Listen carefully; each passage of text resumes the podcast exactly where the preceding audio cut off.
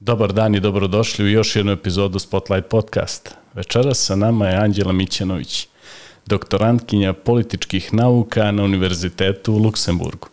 Anđela, dobrodošla u Spotlight podcast. Hvala puno na pozivu i veliki pozdrav za sve neko koji gledaju. Možeš i molim te da nam kažeš e, kada je za tebe sve krenulo u ovom akademskom putu? Pa dobro, krenulo je ili osnovna škola, tad je sve, sve počelo. U Podgorici, osnovnoj školi Sava Pejanović, ovoj školi za koju se danas borimo. Um, poslije toga sam nastavila mm, sa, mislim, sa studijama, sa obrazovanjem u, gimnaziji Slobodan Škerović, tako sam provela još četiri godine u Podgorici. A ili B smjena? A smjena. Ovaj, tu smo, mislim tu su onako bili pravi tinejdžerski tinejdžerski koraci, prvo bježanje sa časovama, da to sam sad već slagala jer smo bježali malo i osnovno i to je bilo ovaj malo onako kolektivno, ali smo uvijek znali da se izvinimo kako treba poslije.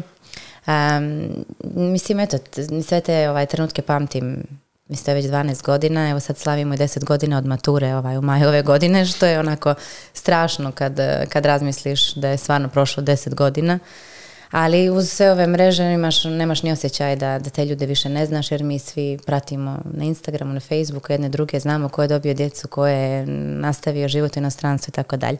Ali uglavnom, eto, u te dvije škole sam stvarno stekla, rekla bih, kvalitetno obrazovanje, pamtim kako prijatelje, tako i profesore, tu sam, eto, na, naišla na stvarno prave prijatelje, dalje se družim sa, sa Ivom koja mi je danas i kuma već skoro 20 i kusur godina tako da nakon te ovaj, srednje škole sam odlučila da, da upišem se na fakultet političkih nauka u Podgorici, međutim, iako sam i u srednjoj školi imala priliku da odem vani, dobila sam tad dvije stipendije ovaj, u drugom razredu u srednje škole, jedna je bila za jednu umjetničku školu u Beogradu, a mhm. druga je bila za UWC koleđe, to su srednje škole u svijetu koje su stvarno dobre i preporučila bih svima koji mogu da priušte ili koji prosto su zainteresovani se prijave za stipendije jer nakon te srednje škole možete, ukoliko ste bili dobar student, zaista da se upišete na, na baš najbolji univerzitet u svitu koji podrazumio i Harvard i Yale i Reci e, u momentu, u momentu kada si, mm što te prekidam, ovaj, u momentu kada si razmatrala opcije, Jeli, tada su u Crnoj Gori bili aktualni neki privatni univerziteti. E, može se prisjetiti tih e, procesa donošenja odluke i kako je baš e, odluka pala na državni, zašto baš državni mhm. univerzitet političkih nauka, koji su to neki presudni momenti koji su na tebe utjecali da, da se ipak opredjeliš za državni univerzitet? Pa ja bit ću iskrena, ja tad stvarno nisam mnogo razmišljala o tome da li državni ili privatni, nekako je potpuno meni prirodno bilo će to biti državni univerzitet ne nužno jer sam smatrala da kvalitet privatnih nije dovoljno dobar, ali kod nas to tada nije bila, mislim da su oni tad tek počeli sa radom i nisu dovoljno etablirani bili koliko su možda danas. Mislim, danas, reći ću ti, su moji brat i sestra trenutno na privatnom univerzitetu, studiraju u Crnoj Gori, sestra je djelimično bila na, na državnom, pa je poslije toga upisala se na privatni i sad magistrira tamo, tako da s te strane ne bih umjela da, da posavjetujem e, buduće studente šta bi mogli da rade. Mislim da je najvažnije da oni sami provjere koji su to profesori, koji su to literaturi koji će se obrađivati, koje su i mogućnosti nakon što izađu na tržište rada. Kad, mislim, kad sam istraživala gdje da studiram u svijetu, meni je vrlo važan bio ranking tog univerziteta, kao što je većini sudenata koji odluče da idu vani. Nažalost, naši univerziteti se još uvijek ne kotiraju dovoljno dobro na tim svjetskim skalama, tako da to ne, nije baš da je, da je neki ovaj parametar koji bi mogli da je, da koriste. Tako Jesi li kad razmišljala koji su neki razlozi zbog čega državni univerzitet u Crnoj Gori možda neki univerziteti u regionu, iako u Beogradu i Ljubljani je drugačije, drugačije situacije. Zašto tako loše stoje, recimo, na, na Times-ovoj ranking listi koja je najpopularnija? Pa dobro, tu su različiti razlozi. Mislim da ono što, od čega mi pri svega treba da krenemo jeste da malo izađemo iz tog uh, ustaljenog okvira ex katedra predavanje, bukvalno da studenti slušaju, a da profesor predaje i da očekujemo da, da razvijemo kritičku misao kod studenta tako što ćemo u stvari da pravimo boksiz onako, da u okviru njih funkcionišu, žive i, razmišljaju, a ukoliko požele da izađu da im je to onako um, ili zabranjeno ili da će dobiti lošu ocjenu i slično. Znači potrebno je da, da razmišljamo out of the box i potrebno je da pohvalimo one studente koji se um, uopšte ohrabre da to ovaj, učine na taj način. Mislim da nam to generalno u društvu fali, da je najteže biti drugačiji, da je najteže javno imati stav jer vas nužno svrstavaju ove ili one. I onda mi tako stvaramo ovaj, horde nekih nesvrstanih ljudi koji ne žele uopšte da učestvuju u društveno-političkom životu zbog toga što se ili boje toga na koji način će njihov stav naići Um, na kakvu reakciju e, društva će naići ili prosto nisu ni sigurni da li je njihov stav dovoljno dobar da bi ga uopšte izrazili. Nismo naučeni na to u školi i zbog toga nas e, ti svi univerziteti između ostalog naravno prestižu i recimo kad sam prvi put otišla vani ovaj, na drugoj godini fakulteta. Američki univerzitet u Washington DC. Tako je, tamo sam otišla zahvaljujući ovaj stipendij američke vlade, UGRED stipendija i prvi put kad sam otišla shvatila sam u stvari da E, sve ono što sam znala e, treba da ostavim u Podgorici zbog toga što ono znači funkcionisanje zato što je tamo sve drugačije. Tamo ocjenu dobijamo na osnovu grupnog rada, na osnovu e, pisanja papera na svakom predavanju, na osnovu toga koliko se često javljamo, E, određena predavanja smo započinjali pregledom štampe, recimo Europa danas, e, predmet koji smo imali u kojem smo izučavali političku situaciju u Europi, započinjali smo tako što smo 10 minuta pričali onome što se u prethodnoj sedmici desilo u Europi i šta mi mislimo i kako možemo to da stavimo u teorijski kontekst koji smo pređivali.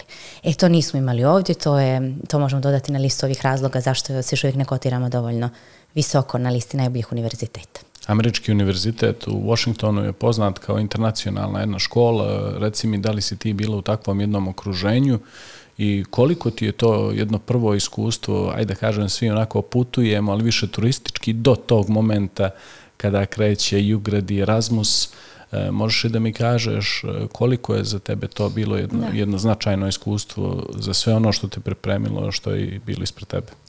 E, iskreno, jedan od razloga zbog kojih sam se upisala na fakultet političkih nauka, ja sam sad razmišljala i o pravu, e, je bila želja da stvarno odem negdje na studiju u inostranstvu, jer sam bila svjesna da, ću, da je to bio da je to mogućnost da se u stvari izmirim sa svijetom, jer prije toga u srednjoj školi sam se bavila debatom i onda smo imali priliku da putujemo na neka svjetska europska takmičenja i onda tu u stvari shvatiš koliko, koliko su naši vršnjaci širom svijeta ispred nas, to je prva stvar, a druga stvar koliko um, su spremni da ono o čemu smo pričali izraze svoj stav i da da te prosto prestignu u trenutku zato što oni imaju svoj cilj i oni znaju ka na koji način da dođu do njega. Mi smo nekako s te strane ušuškani i ja se sjećam tad prije deseta godina bila sam interna u Ujedinjenim nacijama i znam tad da smo radili istraživanje da je pokazalo da 70% mladih ljudi u Crnoj Gori bi željelo da radi u državnoj instituciji da ima siguran posao. Tako je.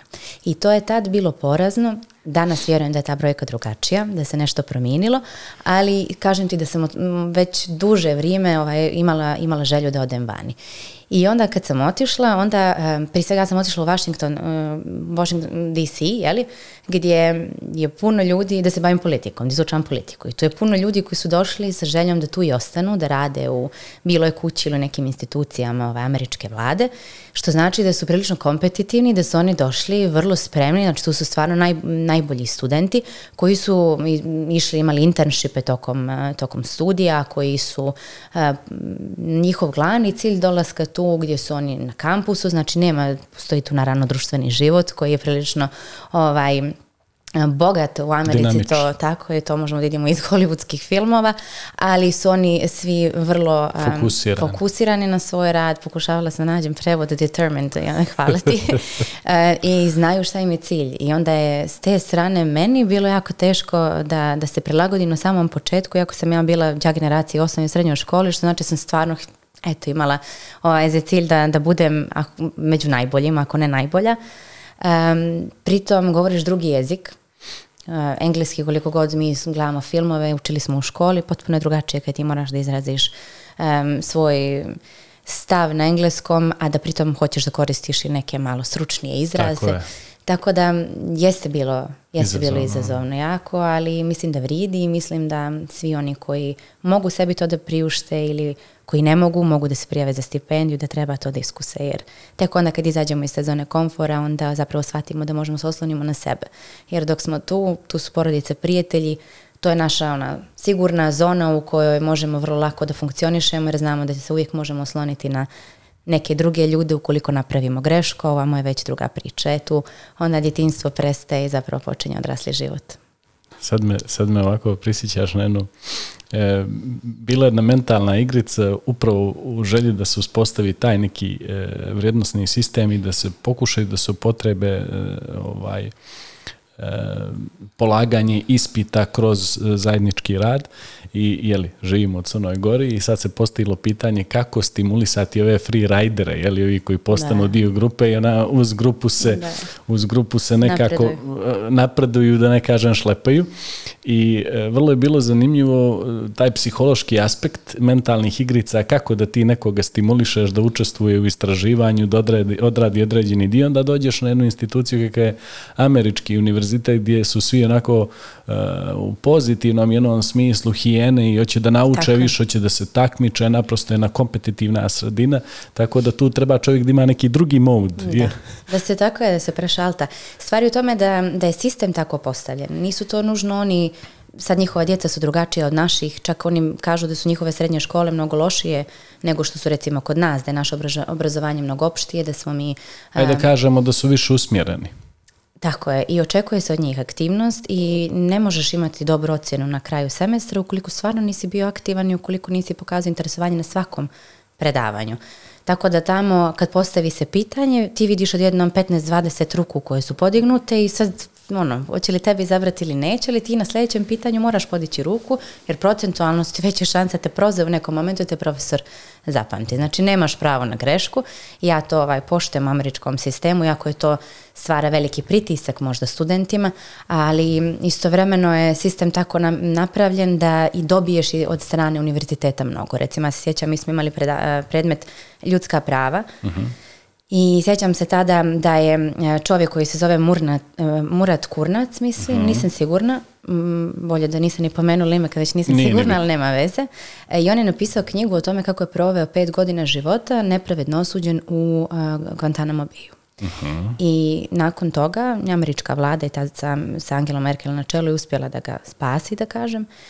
međutim, njemu je zabranjen ulazak u SAD. To nije ispričalo profesoricu da u sred Washingtona na Američkom univerzitetu ga pozove u goste, čovjek se javio preko e, Skype-a tad i mi smo imali priliku da postavimo pitanja, da razgovaramo sa njim i da vidimo i tu stranu medalje. Znači nismo učeni da američka vlada nužno donijela pravu odluku, već smo imali priliku da razmišljamo svojom glavom, da pitamo i da analiziramo kako bismo donijeli svoj zaključak o tome šta se zapravo desilo. Sjajno, Anđelo. Nakon toga povratak e, na Univerzitet Crne Gore, to je nešto što je onako tema u kojoj volim da pričam s svojim gostima, taj mhm. reverse cultural shock, e, moment kad se ti ponovo vraćaš u Crnu Goru i vraćaš se u ex-katedra mhm. e, varijantu ovdje. Kako si se prilagodila sredini, dovela u sebe u poziciju da da diplomiraš brzo, efektivno i dalje da nastaviš e, put magistarskih studija. Daj nam malo tog povratka. U suštini po povratku logično ovaj, suočiš se sa, sa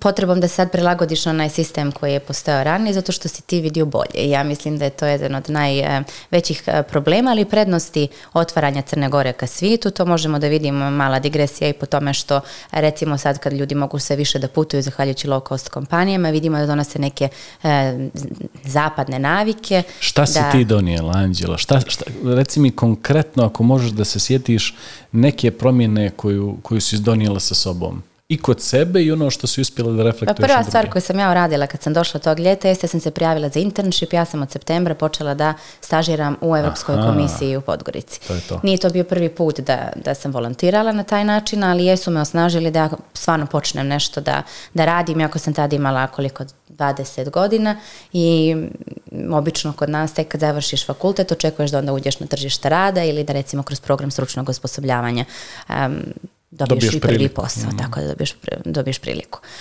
Um, moje iskustvo nakon tih šest mjeseci Europskoj komisiji je bilo da sam imala priliku da vidim kako funkcioniše strana institucija, odnosno koji su to, koji su to načini na koje Europska komisija u zemlji pokušava da neke stvari promijeni, odnosno da nam pomogne u izgradnji naših institucija, demokratije i jedan od najvećih takeaways ili ti mhm. onoga što, što sam razumjela jeste da sa jednog sastanka gdje je bio jedan visoki predstavnik Europske eh, komisije, pritom ne mislim na, na funkciju visokog predstavnika, Eh, kad je rekao mm, you take your time.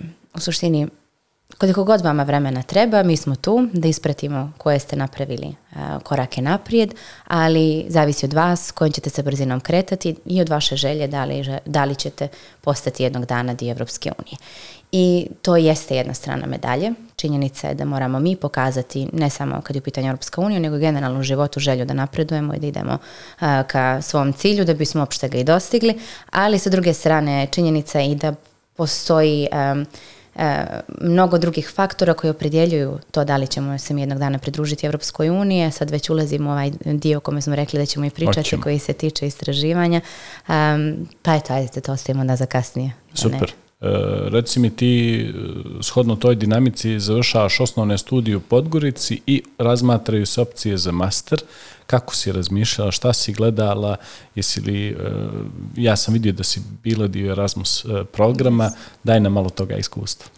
Pa vidi, ja sam ona, kažem ti, provela pola godine u, kao stažistkinja, nakon toga sam završila tu treću godinu, ja sam već, e, još dok sam bila u europskoj delegaciji ovdje, aplicirala za novu stipendiju i odlučila da četvrtu godinu provedem u Njemačkoj. Tada je Erasmus stipendija bila za univerzitet u Heidelbergu, koji je jedan od najboljih univerziteta u, Europi, a i u svijetu. Ja sjećam, tad je bio 44. I znam kad sam vidjela da se nudi ta prilika, da stvarno nisam mnogo razmišljala, još sjećam se sam googlala, to je stvarno predivan grad ko nije bio ovaj... univerzitetski centar. Tako, univerzitetski centar, jako tamo nisu sad političke nauke u fokusu, više medicina, to je medicinski centar i pravne nauke su jako dobre na univerzitetu u Heidelbergu. Onda sam otišla tamo, tamo sam otišla na pola godine, dok sam bila tamo sam odlučila da ostanem još pola godine, oni su mi omogućili to kroz moju aplikaciju za još jednu stipendiju, odnosno za produžetak ove prve. I onda kad sam projela četiri godine tamo, pitala sam se što ne bih ja još jedno, tako sam ja otišla pola godine, ostale dvije i to je nekako u mom e, slučaju uvijek tako išla, sam uvijek pričala da ću se vratiti kući, ali nekako me uvijek put ovaj, zadržavao u inostranstvu, da. I tamo sam onda magistrirala, tamo sam eto dobila priliku da i tu petu godinu upišem i da je završim. E, I poslije sam odlučila se vratim kući Rekla sam ako nastavim studije to neće biti dobro za mene jer je previše bilo učenja i stvarno mi je bilo potrebno da prije svega se vratim ovaj, u domovinu, a drugo da steknem neko iskustvo prije nego što nastavim, nastavim sa doktorskim studijama jer to je bila ideja od samog početka. Tako, Tako da onda sam došla u Podgoricu i jedna od dobrih strana toga što sam toliko volontirala i tokom srednje škole, a onda kasnije stažirala tokom eh, studija jeste što sam ja svoj magisterski predala 30. septembra, 1. oktobra sam već počela da radim. I nije bilo zahvaljujući nikakvoj e, namještenoj vezi, prijateljskoj ili partijskoj e, konekciji, tako je, već je bilo upravo zato što sam kroz poslove kojima sam se bavila pokazala koliko mogu, šta znam i upoznala sam ljude. Tako da zašto je važno volontirati, zašto nije traćanje vremena, ja to pričam već, godinama, e, jeste što ne morate sve mjeriti u novcu, mm, dokom sudija ne morate uvijek imati naknadu za svoj rad, ali ćete e, upoznati ljude, širiti svoju mrežu kontakata, nekad ćete imati priliku i da putujete, uh, povezat ćete neke stvari, možda ne u tom trenutku, ali par godina nakon kad opet dođu na dnevni red ili kad, e, kad počnete da učite o tome na nekom većem nivou, to je kao kad ne znam, imate neko životno iskustvo koje je možda bolno u nekom momentu, a tek par godina nakon u stvari shvatite zašto je to bilo dobro ili na koji način vas to promijenilo kao osobu. Mene su ova iskustva na, na mnogo različitih nivoa promijenila. mislim da su mi pomogle da mnogo brže napredujem. nakon tog prvog posla mm, ja sam poslije dva mjeseca počela da radim u kancelarije glavnog pregovarača u vladi Crne Gore e, i dobila onda posao u jedinim nacijama. E, to mi je bila želja, da budem iskrena, kad sam se vratila i vratila sam se u septembru već u, kad je to bilo, već u aprilu, Iduće godine sam počela da radim za Ujedinjene nacije, znači svega koliko, možda malo jače od pola godine. Ovo pominjem zbog toga što stvarno ništa nije nemoguće taj posao za koji sam ja aplicirala odmah po povratku nisam dobila. Tad sam aplicirala prije nego što sam počela uopšte da radim, znači na ljeto eh, pred završetak magistarskih studija sam aplicirala za posao ovaj, u UNHCR-u, taj posao nisam dobila, međutim pola godine nakon je se otvorila neka nova prilika i u suštini oni su me zvali. Ja nisam ni, ni planirala opšte da, da napuštam ovaj posao koji sam imala u vladi, ali sam dobila poziv iz Ujedinjenih nacija. I onda je stvarno bilo teško odlučiti da li, to su potpuno dvije, dva različita svijeta da kažem, e, način funkcionisanja i uopšte... Šta ti u tom momentu prolazi kroz glavu? Pa dobro. Stavljaš jeli, pros and cons, stavljaš, e, mjeriš, e, šta ćeš dobiti, opet napuštaš nešto za što se mnogi bore, možda čekaju cijelog svog života na takvu, na takvoj jednoj prilici. E, vrlo često pitam svoje goste zato što većina mojih gosti uradi upravo što si ti, mhm. napušta tu zonu komfora i ide ka izazovu. Šta je bilo presudno? Pa eto, odgovorio si djelimično na pitanje. Ja uvijek e, na taj način razmišljam, ako je nešto teško, baš to ću raditi, jer je to jedini način da probiješ svoje limite i da dobiješ ono što želiš. Drugo, ja sam stvarno željela taj posao jedinim nacijama i onda kad je došao, prosto bilo je teško da napustim posao, ne više iz razloga možda lojalnosti, lojalnosti prema svom poslodavcu, odnosno šefu u tom momentu, ljudima sa kojima sam radila, mhm. a, onda i prema lojalnosti, zbog lojalnosti prema svojoj državi. Mislim da je to ovaj e, posao koji smo mi tamo radili bi jako značajan, zato što je to, odnosno koji dalje moje kolege tamo rade, e, jer nam pomaže na tom putu ka, ka Europskoj uniji, ali e, sam ja odlučila ipak da, da odem zato što su nacijama mi se pružila prilika da radim ono što sam željela a drugo zato što potpuno iskreno jako je teško kad se vratite u, Crnu Goru i ja sam tada za part-time posao za 45 sati e, mjesečno dobijala platu 450 eura, a onda se vratite, nažalost i radite za 400 eura sa vrlo e, ograničenom mogućnošću da ubrzano napredujete na svom poslu bez obzira na to koliko ste dobri. To je, mislim, razlog zbog kojih vrlo često mnogi mladi ljudi napuštaju državne institucije i to je nešto na čemu moramo da radimo i da promijenimo jer ljudi ne, odlaze samo ljudi, nego odlaze i ideje, odlazi know-how, odnosno institucionalna memorija koju oni nose sa sobom, jer naše institucije ulažu u te ljude, često ih šalju na seminare, na obuke i tako dalje, onda se pojavi međunarodna institucija, neka druga kompanija koja te ljude kao gotov proizvod uz medalje. I to možda ne bi ni bio problem da se dešava samo u okviru zemlje, zato što opet ljudski kapital ostaje u Crnoj Gori, pa doprinesite na jedan ili na drugi način, ali mislim da najveći problem nastaje kad ti ljudi u stvari odu vani. E, dvije stvari su mi jako zanimljive da ugrbimo prije, prije ove naše male pauze, oćemo sigurno, imaš nekih par minuta. E, volio bi da mi se vratiš na moment e, uslovno rečeno neuspješne aplikacije za posao u NHCR-u, mm-hmm. E, u i taj e, moment tada osjećaj koji si imala i nakon toga ponovo serije uspjeha. Da li si u nekom momentu dok razmišljaš danas ili možda e, nakon nekog perioda da li staneš i kažeš i pored svog truda i pored svog rada sve je jako bitan faktor i da, da li stane čovjek onako i stvarno se zahvali na, na, na tom segmentu sreće koji je imao, a onda i negdje zapamti onaj e, gorak ukus u ustima kada nešto Jarko želio kao ti možda taj posao u NHCR-u jer si opet na njega aplicirala sa pozicije gdje si već bila ovaj, i opet se negdje vraćam na tu sreću i na taj moment da li reflektujemo često na, na, na, na faktor sreće? To je debata koju stvarno često vodim sa svojim prijateljima o tome da li je sreća ta koja je um, presudna ili u stvari tvoje upornosti radi. Ja bih rekla da je više upornosti radi i da je jedna od um, osobina koja kod sebe cijenim, ako se to tako može reći ovaj, neskromno, e, to što nikad svoje neuspjehe nisam doživljavala um, kao limit onoga što zapravo mogu i da to što sam možda pala jednom na putu ka cilju ne znači da, da sljedeći put, nego da treba nastaviti uvijek dalje i dalje i da ćeš onda zapravo doći do toga što želiš. E, ta moja priča s Ujedinjenim nacijama možda jeste bila, jeste bila elementa sreće i ja sam vrlo zahvalna za koliko god mislim da je to sve došlo zahvaljujući ovaj mom trudu i upornosti, zahvaljujući moje porodici, isto mislim da, da je to upravo i stvar sreće što sam imala takve ljude oko sebe, što su moji roditelji bili spremni da ne samo financijski, već i svojim ličnim trudom i zalaganjem eh, pomognu da, da dosegnem sve ono što sam zapravo ovaj, željela do danas. Eh, tako je i taj posao u Ujedinjenim nacijama, mislim da, da ja nisam aplicirala recimo, ne bih ga nikad ni dobila, to je prva stvar. Drugo je da u suštini ja nisam aplicirala za taj posao kad tokom mog rada u vladi, nego prije toga. I prosto se to tako, nekad e, namjeste neke stvari koje ti uopšte nisi očekivao i onda je samo pitanje na koji način da izvagaš e, šta je dobro za tebe, a šta ne neko će možda reći da je bilo dobro što sam dobila taj posao, sa druge strane možda bi meni bilo ljepše da sam ostala ovaj, u vladi Crne Gore i nastavila da radim posao koji sam radila.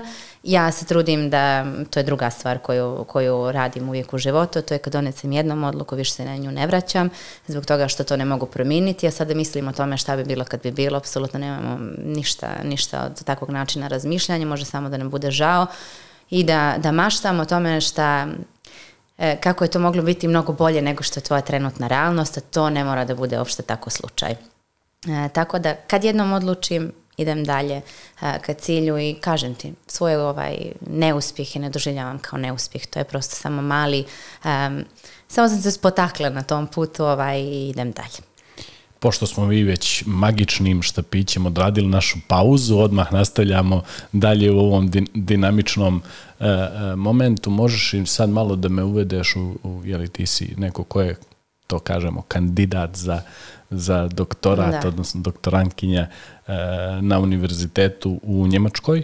U Luksemburgu.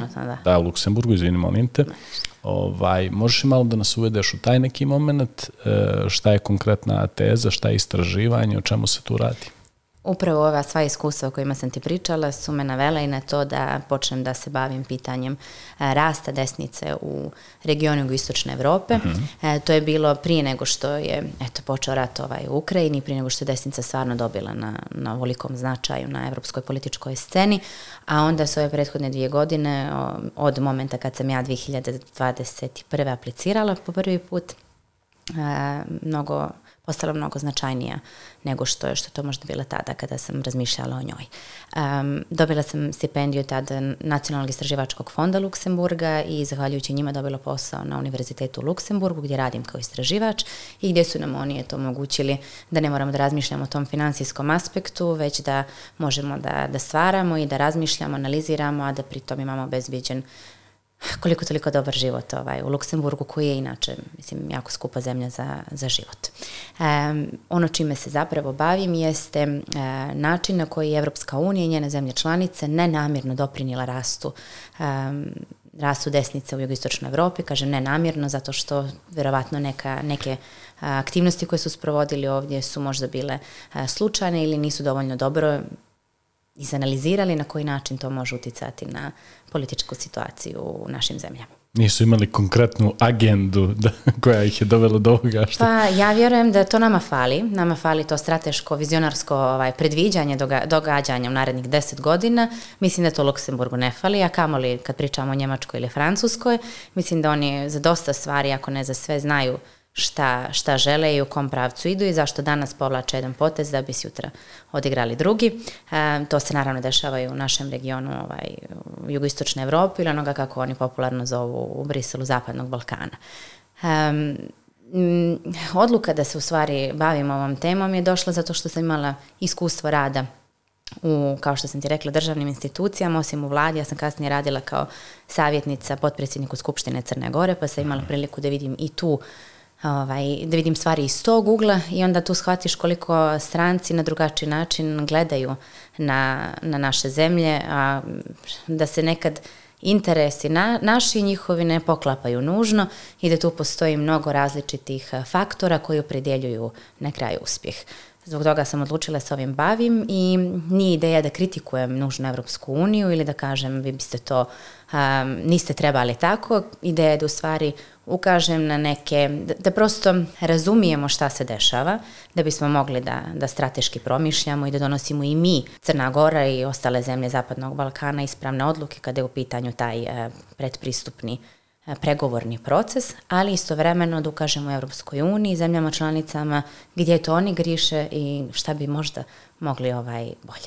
Koji su to ključni faktori, Anđela, koje si ti uspjela da da na neki način identifikuješ a da su vezani za, za taj proces eh, i, i za jeli, rast desnice i za porast eh, euroskepticizma i eh, sav taj neki domino efekt koji se desio kroz more nekih kretanja na globalnoj sceni, da tako kažem. Pa vidi, Evropska unija se u proteklih deset godina suočila s različitim izazovima. Mi sjetit ćeš se 2016. godine migracione krize, nakon toga Brexit, pa se onda desio i koronavirus, ekonomska kriza, odnosno energetska, pa ekonomska kriza, evo i rat u, u, Ukrajini i na istoku Europe. I Europska unija je sama suočena sa mnogo problema na unutrašnjem planu, kohezija Eh, je prilično narušena i naravno da se sve to prelijeva na region jugoistočne Europe. E sad, poslije drugog svjetskog rata je desnica u potpunosti poražena, ona je marginalizovana, međutim danas se ona vraća, ali nije ista kao što je nekad bila, zato što ona nije nužno antidemokratska. Mnogi predstavnici desnice danas sebe nominalno definišu kao demokrate, međutim E, kritikuju neke dijelove liberalne demokratije kao što su recimo LGBT prava. E, istovremeno oni se bore, kako kažu, protiv elita i pokušavaju da vrate sve u ruke naroda, odnosno da narodu daju mogućnost da odlučuje o svemu. Mislim, to jeste malo populistička priča u tom dijelu da je to nemoguće ovaj, sprovesti, osim ako ne želimo potpuno anarhiju, čak ni tad ovaj, to nije ono čemu oni govore, zato što onda ne bi postojao nikakav sistem uređen u kome bismo mi mogli da nesmetano funkcionišemo. E, tako da danas nije toliko vidljivo na koji način desnica e, funkcioniše, nije vidljivo običnom građaninu, zbog toga što e, autoritarni lideri onda kad dođu na vlast, oni ne pokazuju nužno e, na eksplicitno vidljive načine čime se bave i koji su im krajnji ciljevi. Oni pričaju naravno o iskorjenjivanju korupcije, o stabilnim institucijama, o reformi izbornog sistema. Oni pričaju prije svega o tome da žele da, da svi građani budu ravnopravni, da imamo jednake mogućnosti, ali istovremeno se građani i građanke suočavaju sa ekonomskim e, problemima, suočavaju se, moraju da plaćaju porez, imaju pravne i druge probleme i u cijelom tom ovaj, sistemu ne razumiju šta se zapravo dešava iza kulisa. I zbog toga je jako važno da eh, ulogu preuzmu politički lideri koji su na sceni, a prije svega političke partije koje u momentima kad prepoznaju jednog takvog lidera ili liderku moraju da mu stanu na put, odnosno da ne dozvole da eh, pridobije moć za sebe. To se radi tako što ne sarađuju sa njima, tako što im ne daju legitimitet, tako što im pokušavaju neki način da uskrate javni prostor, ne pravo na riječ naravno, ali javni prostor da e, ne budu toliko prisutni u mainstream politici, pa čak i da sarađuju sa svojim političkim rivalima kako bi podržali demokratskog kandidata. Međutim, ukoliko se desi da jedan takav autoritarni lider dođe na vlast, onda u tom slučaju postoje dvije opcije. Jedna opcija je da su jake demokratske institucije koje postoje i koje će onemogućiti autoritarnom lideru da sprovede te sve svoje odluke koje je, e, koje je htio ili htjela a drugi je da će u stvari lider uspjeti da ih sruši. Ukoliko se desi ovo drugo, onda najvjerojatnije ćemo svjedočiti tome da e, će se urušavati neutralne agencije, da će sudstvo više neće biti nezavisno u demokratskim državama, da će oni kontrolisati medije, privatne, privatni sektor i onda, nažalost, e, možemo da svjedočimo scenariju koji ne bi niko od nas volio i zbog toga sa pozitivne strane je vrlo važno da internalizujemo, da shvatimo i prihvatimo da je naša uloga kao građana jako značajna. Tu, mi, tu, mi se, e, tu bih te prekinuo i e, samo napravi jednu paralelu s obzirom da li ovo je prije svega, iznad svega obrazovni podcast, e, regionalni podcast u svom karakteru, pričamo o studijama u inostranstvu, pričamo o edukaciji. Možeš li u kontekstu te priče samo da mi povežeš i nadgradiš važnu ulogu obrazovanja, jer jeli, pričamo o autokratama, pričamo o jeli, tim vrstama lidera gdje preko obrazovanja mi možemo efektivno da utičemo na promjenu svijesti. Koliko je tu bitno kritičko mišljenje, koliko je bitno da kroz proces obrazovanja i edukacije razvijamo kritičku svijest kako bi negdje jeli, e, kroz E, taj proces e, počeli da mijenjamo svijesti, e, suzili negdje autokratama i autoritarnim režimima mogućnost djelovanja. Ajde ovako ja ti dam primjer u Luksemburgu. Prije nekoliko godina oni su razmišljali o tome da imaju veliki problem sa gužom na autoputu. I mhm. nekom periodu između recimo 3 i 5 je nemoguće da stigneš, znači 10 km se prelazi više od sat vremena. I problem naravno je zbog toga što u Luksemburgu od nekih 450.000 radnika, koliko, pričamo o Luksemburg City, o gradu, m, mhm. mm, oko 200.000 dolazi iz država sa strane, znači iz Belgije, Njemačke, Francuske. Oni svi žive u tim drugim zemljama zato što im je prosto ili jeftinije ili jednostavno... Na dnevnom nivou. Tako je, na dnevnom wow. nivou. I tu se stvari ogromne guže. I sad oni su razmišljali na koji način bi bilo najbolje da to riše i ono što Luksemburg uglavnom radi jeste da kontaktira univerzitet, mhm. odnosno vlada, Daj kontaktira univerzitet i traži, znači da određeni grant i traži od profesora koji ne moraju nužno biti luksemburžani, znači to su profesori iz cijelog svijeta, recimo jedna profesorica sad iz Amerike došla da se bavi housing politikom jer je to drugi problem koji oni imaju, stvaranje babla na tržištu nekretnina. Um, i oni su u stvari predložili, napravili su procjenu narednih deset godina da bi se njima više isplatilo da e, uvedu besplatan javni prevoz mhm. kako bi rasteretili autoputeve, nego da autoputeve u nekom momentu moraju da presvlače. Do tih stvari se dolazi zahvaljujući tome što ljudi analiziraju, razmišljaju o tome, što se uključe, ne znam, ekonomisti, inženjeri, svi ljudi koji bi, bi trebalo da zajednički doprinesu ovaj, tom problemu. E, ono što mi treba da razumijemo, osim toga da treba raditi naravno obrazovanje obrazovanju, ovome što si i sam rekao, o čemu smo prije pričali, kritičkom promišljanju, jeste da shvatimo da uspjeh pojedinaca, odnosno rezultat pojedinca, doprinosi uspjehu cijelog tima mi se vrlo često plašimo uspješnih pojedinaca i ne radimo na tome da im pomognemo da steknu bolje obrazovanje, bolje iskustvo, veće prilike, nego ih e, vrlo često i sabotiramo na tom putu od straha da nama ne predstavljaju konkurenciju. Ali to je potpuno pogrešno, možete uzeti za primjer, ne znam, futbalski tim ili košarkaški tim, šta da, da li treba da se oslobodite jednog evo nekad Michaela Jordana ili danas um, ovog momka iz Slovenije ili Jamesa. E, jeste, Luku Dončića, da.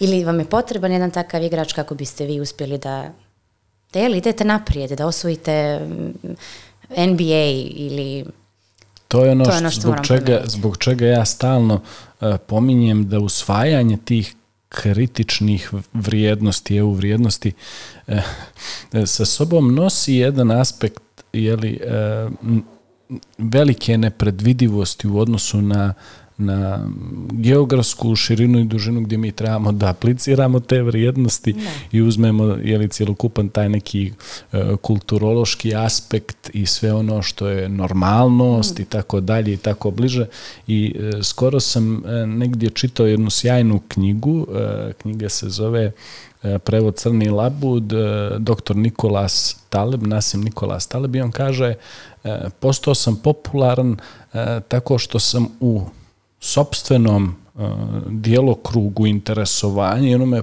po čemu me e, pamti akademska e, javnost izbilja, ja napravio glupost. Krenuo sam na časove plivanje jer sam želio da imam izdefinisano tijelo plivača.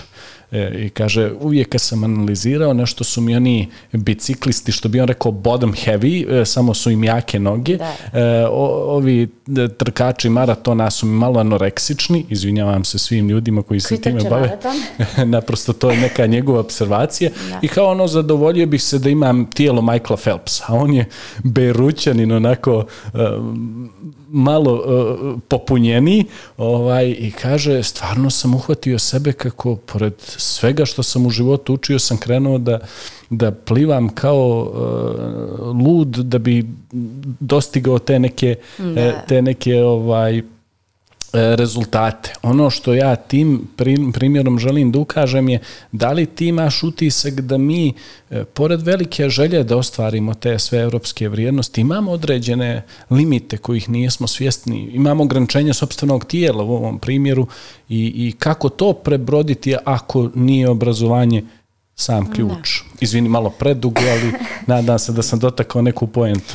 Mislim da je dobar primjer koji si dao, baš sam pogledala, ovaj, nisam čitala knjigu, budem iskrena, nego tek kad si ti pomenuo. Imaćeš priliku, da, nadam se. definitivno hoću. Ovaj, mislim da nismo mi limitirani, nego da mi sami sebe limitiramo u tom dijelu da je nama eh, mnogo lakše da funkcionišemo ovim ustaljenim eh, načinom na koji smo to radili godinama, jer zašto bismo mi prelazili ulicu na pješačkom prelazu kad možemo da pređemo tamo gdje je nama to ovaj, convenient, odnosno odgovarajuće, eh, a niko nas neće kazniti. Znači, mi moramo zajednički da radimo na podizanju svijesti među građanima o tome zašto je potrebno da otpadke bacamo u kante za smeće, znači na mjesto koja su namijenjena za to, zašto je potrebno da eh, ne vozimo trotoarom da bismo izbjegli gužve, a potrebno je sa druge strane i da sistem kazni one pojedince koji pomisle da bi trebalo da idu tim kraćim putem. to kreće naravno u školi, potrebno je da objasnimo djeci zbog čega je važno poštovati pravila, ali u zemlji u kojoj pojedinci poštuju pravila, drugi ne i drugima može biti da ta pravila ne poštuju, onda se ovi prvi pitaju zašto bi oni to radili. I tu mi nilazimo na problem, ja sad ovo simplifikujem, naravno, ovo je na mnogo većem, mnogo većem nivou primjenljivo i mislim da to evropljani vide. Oni vrlo često kad ja pričam sa nekim ljudima koji su diplomate u, našem ovaj, regionu, oni vrlo često kažu to je Balkan šta god to značilo. Ja mislim da to u njihovom ovaj, slučaju znači da oni shvataju kako mi funkcionišemo. Recimo, jedan e, diplomata mi je, mi je ispričao kako dao mi je primjer za šta on zapravo misli po time kad kaže eto to je Balkan, e, kako recimo kaže kad ja bih vozio brzo ovdje zustavi me policija, ja znam da policija očekuje da dobije neki novac da mi ne bi napisali kasno. Da. Sad problem koji ja tu vidim jeste što je taj diplomat mene onda pita i kaže ako ja njemu ne dam novac, on će meni možda naći, ne znam, upaljen problem sa svjetlima ili nešto drugo. I sad on mene pita, šta ja tu da radim. Pa ako bih trebala da mu odgovorim šta da radi, podjede nema da voziš brzo, pod dva, imaj sve regularno ovaj, na automobilu i svojim primjerom daj e, mogućnost drugima da vide šta se ne radi. Znači, ako nešto može se radi u Njemačkoj, ne treba se radi na Balkanu, ali nam navodim ovaj primjer da vam kažem da, kako i oni je bilo ljudi, hipotetički, ali jako ja sam pojent. Ali oni ljudi koji čak dođu iz inostranstva, kad dođete u region... Malo se opušte. tako je, a isto tako mi kad putujemo vani, mi vodimo mi računa. Mi je uštugljimo, ono, pratimo sve, čekamo će li e, prebaciti na crveno da pređemo ulicu, ne bi ni slučajno krenuli bulevar da, da prelazimo onako, onako. I to dosta govori o nama. To jest govori o tome da mi nemamo limite u kojima koje si me pitao prije, znači mi nije problem nama da internalizujemo da to nešto nije dobro ili da ne može, nego imamo problem da to radimo onda kada nas niko ne nadzire ili kad je prosto nama to brža, isplativija, lakša opcija. mm Znači, ajde da zaključimo, e, može samo treba dosta truda, rada, vremena i posvećenosti, tako da ovaj, e, ovaj Nikola Staleb može da u bazen i krene da pliva, će ramena Michael Phelps Ne, ne to je druga. Šalim se, druga analogija, svakako. Možeš i molim te, e, sad malo da me uvedeš u jednu analizu koju sam imao i ja. Mhm. Ti si u jednom momentu svoje akademske karijere odradila jednu vrlo zanimljivu analizu. Možeš i da mi kažeš o čemu se tu radi, pa ću onda da uskočim sa par nekih zanimljivih pitanja. Pa vidi, radili smo dvije, ali ja pretpostavljam da ti misliš ovaj, vezano za učešće žena u politici ovaj, u Crnoj Gori, pošto je to posljednja. tu I uvijek aktuelna ovdje sad kod Nažalost, nas. Nažalost, uvijek aktuelna, da. Ne samo kod nas, aktuelna i u, svijetu, da ne pomislimo da je to problem samo sa kojima se mi, s kojim se mi suočavamo. ta analiza je u stvari pokazala da postoji mnogo prostora za unapređenje učešća žena u političkom životu Crne Gore, jer iako smo mi dobili pravo glasa još 1946. godine, i dan danas mi imamo problem sa ravnopravnom zastupljenošću u, političkom i javnom životu u zemlji. E sad, mnogi će reći da je to do nas, da bi mi trebale da se malo više angažujemo i tu ima istine, naravno, to je na čemu smo prije pričali, moraš tražiti da bi nešto dobio. Mhm. E, međutim, stvari u tome da postoje određeni E, unaprijed postavljeni limiti u našem društvu koje je i dalje malo patrijarhalno. E, I Zbog čega je politika u Crnoj Gori anđela muški posao, što se kaže? Pa iz, mnogo, evo sad ti kažem, znači prije svega zato što je to, pat, smo mi dalje patrijarhalna sredina, zato što se od žene prosto očekuje i dalje da bude posvećena najviše, mnogo više porodici nego što je njen suprug, e, zato što najčešće kad žene uđu u, javni život treba da se suočavaju s različitim e, mizoginim, seksističkim komentarima, to opet čita i njena porodica i jako je teško prihvatiti jedan takav život, a sa druge strane nismo još uvijek imali dovoljno e, rol modela, odnosno e, primjera da se nešto može i da, da se ugledamo i da kažemo ja želim da budem kao ona mi uglavnom pričamo recimo Margaret Thatcher ili ovih dana o Sani Marin iz Finske, ali e, nažalost je malo žena koje su se, reći ću slobodno, hrabrile da učestvuju toliko ovaj, u političkom životu Crne Gore i da pokažu da zapravo žene donose jednu novu vrijednost. Ono o čemu ja sam kroz ovo istraživanje razgovarala sa oko 15 E, mladih muškaraca do nekih 40 godina koji su e, uključeni u javni politički e, život, bilo na nekim državnim funkcijama ili partijskim. I svi oni su rekli da su žene one na koje se može, mogu mnogo lakše osloniti da one donose potpuno nov pristup politici koji je mnogo empatičniji nego što to čine muškarci. Odgovornije su. I tako je, i to su, i to su govorili i činjenica je da naravno mi ne možemo to sad sve jeli generalizovati, ima mnogo i muškaraca koji imaju sve te vridnosti, ali mi isključujemo praktično 50% stanovništva naše zemlje iz odlučivanja koje se odnosi i na njih um, mi u parlamentu jako je određeno 30% učešće žena kao pozitivan vid diskriminacije, mi i dalje taj tu brojku ne poštujemo.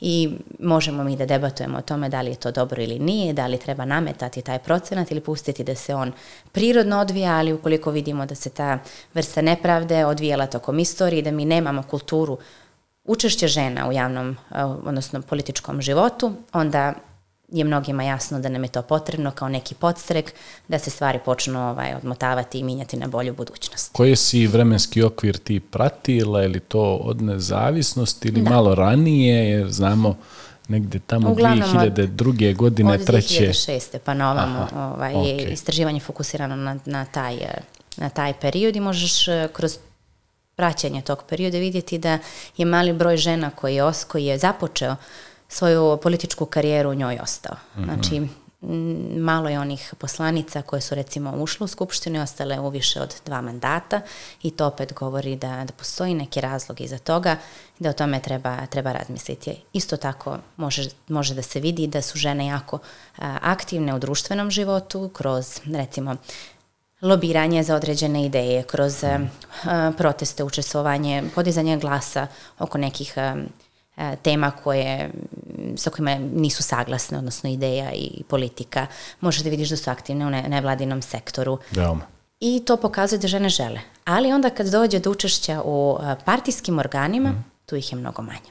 I zbog toga je to pokazatelj da zapravo mi sistemski na neki način onemogućavamo većem broju žena većem broju da uključi. Žao mi je jako poražavajuće da ne opstaju uh, kroz neku jeli, uh, vremenski okvir, ali možeš da mi kažeš neke uporedne podatke ili makar zaključci koji su izneseni na osnovu podataka u periodu od 2006. Ne. 2020. Da li možemo da kažemo da ipak taj procenat danas E, na nekom većem nivou nego što je bio i da možemo makar nečemu dobrom da se nadamo u tom kontekstu. Ajde, danas je predsjednica Skupštine, ovaj, žena. dama, e, žena, e, imali smo 2002. 2003. E, poslanica nacionalnog parlamenta iz Liberalnog savjeza Crne Gore je bila, bila dame, mislim čak i prva u istoriji Crne Gore, 2002. Nije, Jeste, nije se stvari na bolje, naravno, i treba, treba reći da, da su žene mnogo spremnije danas da preuzmu neke odgovorne, važne funkcije nego što je to možda bio slučaj ranije.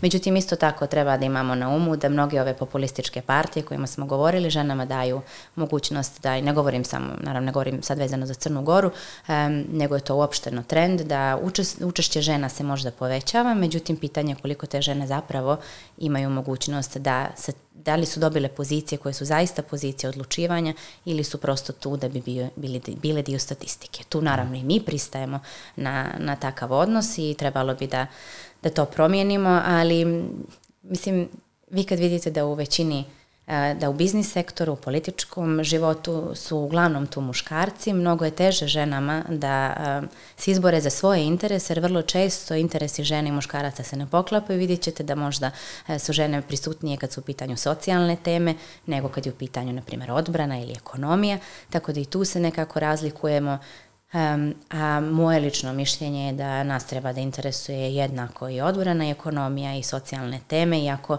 tu dodatu vrijednost žene uglavnom donose ovom, kažem, socijalnom dijelu. To su barem pokazala istraživanja. Sjajno.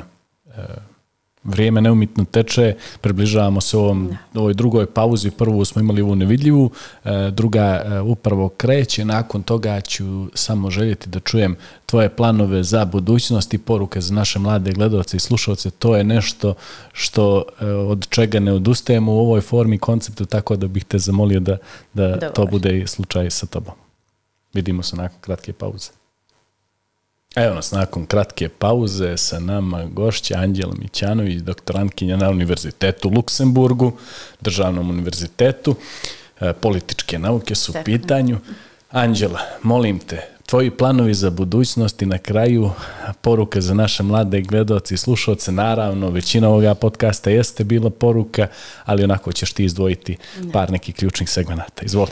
Pa dobro, ja sam u narednih par godina ovaj, već, to jest minimum dvije godine ću još provesti ovaj u Luksemburgu. Ono što je plan jeste da se sad celim za Skoplje, tamo će biti dva mjeseca. Ova ideja zapravo, tako, ideja je, a to sve zahvaljujući naravno univerzitetu koji pruža podršku i razumijevanje, podršku ne samo na ričima, već i financijsku. Naravno, nijesmo e, možda rekli za naše gledalce i mhm. slušalce e, kad si doktorant u Evropi to je posao, ti si e, na plati, pa, dok u Americi, u Americi je nešto drugačija situacija. Zavisi i u Europi, mislim na ljudi eto, koji možda žele da rade ovaj, doktorske studije. Ja sam istraživala tad kad sam se prijavljivala, nije, u Luksemburgu su zaista među najboljim uslovima, mhm. e, jer oni ti daju posao. O, ukoliko naravno dobiješ ili stipendiju, odnosno fellowship, ili ukoliko dobiješ direktno posao preko univerziteta kao posao asistenta ili istraživač. E, tako da je Luksemburg stvarno što se toga tiče izdašan i poseban zato što oni e, su relativno mlad univerzitet i zbog toga su odlučili da ulože što, što više mogu kako bi što prije izašli na liste e, najboljih na listu najboljih univerziteta, znači na što visočije na, na toj listi. Tako da, eto, plan je da ostanem, da završim E, studije tamo. Sad pola godine ovih e, početnih e, provodim u regionu Jugoistočne Europe. Ideja je bila da ne čitam samo iz, iz svoja četiri zida u Luksemburgu o, tome šta se dešava, nego zapravo da odem i da kroz život u ovim zemljama kojima se bavim osjetim koji su to društveno-politički problemi i da se zapravo istražim vezano za te svoje studije slučaja, šta se dogodilo kroz razgovor sa, sa ljudima, sa novinarima, političarima, diplomatama tako da idem za Skoplje dva mjeseca, nakon toga idem u Prištinu i Beograd i radujem se jer su to stvarno prilike ne samo da, da se bavim istraživanjem, već i da, da razumijem koje su to uh, famozne razlike o kojima vrlo često pričamo, a ono što sam do sad vidjela jeste da ih nema i da smo mi svi manje više sličnog mentaliteta, načina razmišljanja, da Um, naročito kad odete u Luksemburg, onda shvatite, recimo Luksemburg ili bilo gdje van našeg regiona, onda shvatite da tek tih razlika nema, nego da se mi svi držimo zajedno, nezavisno od toga da li smo Crnogorci, Srbi, Albanci ili možda Hrvati i da smo svi jedni drugima najbliži. Tako da nakon toga ja se vraćam u Luksemburg, tamo planiram da pišem i eto ja se nadam da ću uskoro završiti sa knjigom. Međutim, to jeste veliki i dugotrajan proces napisati nešto što, što ostaje, što je riječ koju, bi prosto trebalo dobro odmjeriti zbog toga što će neko možda se ugledati na to što pročita, a moj cilj nije da dajem bilo kakve dezinformacije, već da stvarno produbimo ovo kritičko razmišljanje o kojem smo, smo razgovarali. I koja bi bila poruka mladim ljudima? Što se tiče poruke za naše mlade da. gledalce i slušalce, to je neka anđel za deseta godina koja sada razmatra sve te neke moguće opcije, ima more nekih dilema i nije sigurna da li, da li ne. E, šta bi mogla njoj da kažeš? Pa ta Anđela je uglavnom imala sliku onoga što želi da bude i išla uvijek za tim. A ova danas bi isto to rekla. Rekla bi da bi trebalo da E, neumorno radimo na sebi, da učimo jezike, da putujemo, da istražujemo, da se upoznajemo sa ljudima, da ne tražimo nužno autoriteta ali da slušamo one koji su pametniji od nas, jer je to način da uvijek idemo naprijed i da budemo bolja verzija sebe svakim e, danom. Moja poruka mladim ljudima iz ove perspektive e, jeste da bi trebalo da što više razumijemo koliko je naša uloga E, kao građani i građanke ove zemlje važna, da moramo i sami doprinijeti demokratskom procesu i da moramo mi biti oni igrači u timu koji će zapravo e, doprinijeti promjeni koju mi želimo da vidimo. Da li će to biti kroz kontaktiranje naših e, legitimno izabranih predstavnika u parlamentima, lokalnom i nacionalnom, da li će to biti kroz pisanje o, o stvarima koje bi trebalo promijeniti ili novinarski posao, da li će to biti kroz uskraćivanje lajkova, komentara i na kraju krajeva prava glasa onim pojedincima koji pozivaju na mržnju, netrpeljivost ili prosto razumijevanje da kad neko nešto obeća od političkih protiv, ne protivnika, nego od političkih e, lidera, političkih aktera i lidera, da. da u stvari to obećanje treba i da ispuni. Ako ga ne ispuni, bit će kažnjen ili kažnjena na narednim izborima. To je ono što moramo shvatimo, da ovih 25% par posto više manje. Ljudi koji ne izlaze na izbore su veliki procenat, to je četvrtina našeg biračkog tila i ja vrlo često čujem od eh, svojih prijatelja da oni neće da izađu jer su razočarani i misle da ne mogu ništa da promijene. E pa tih 25% bi mnogo toga promijenilo koliko bi izašli. Ajde da kažemo, najčešće oni pripadaju ovom građanskom korpusu, tako da, da on najviše pati.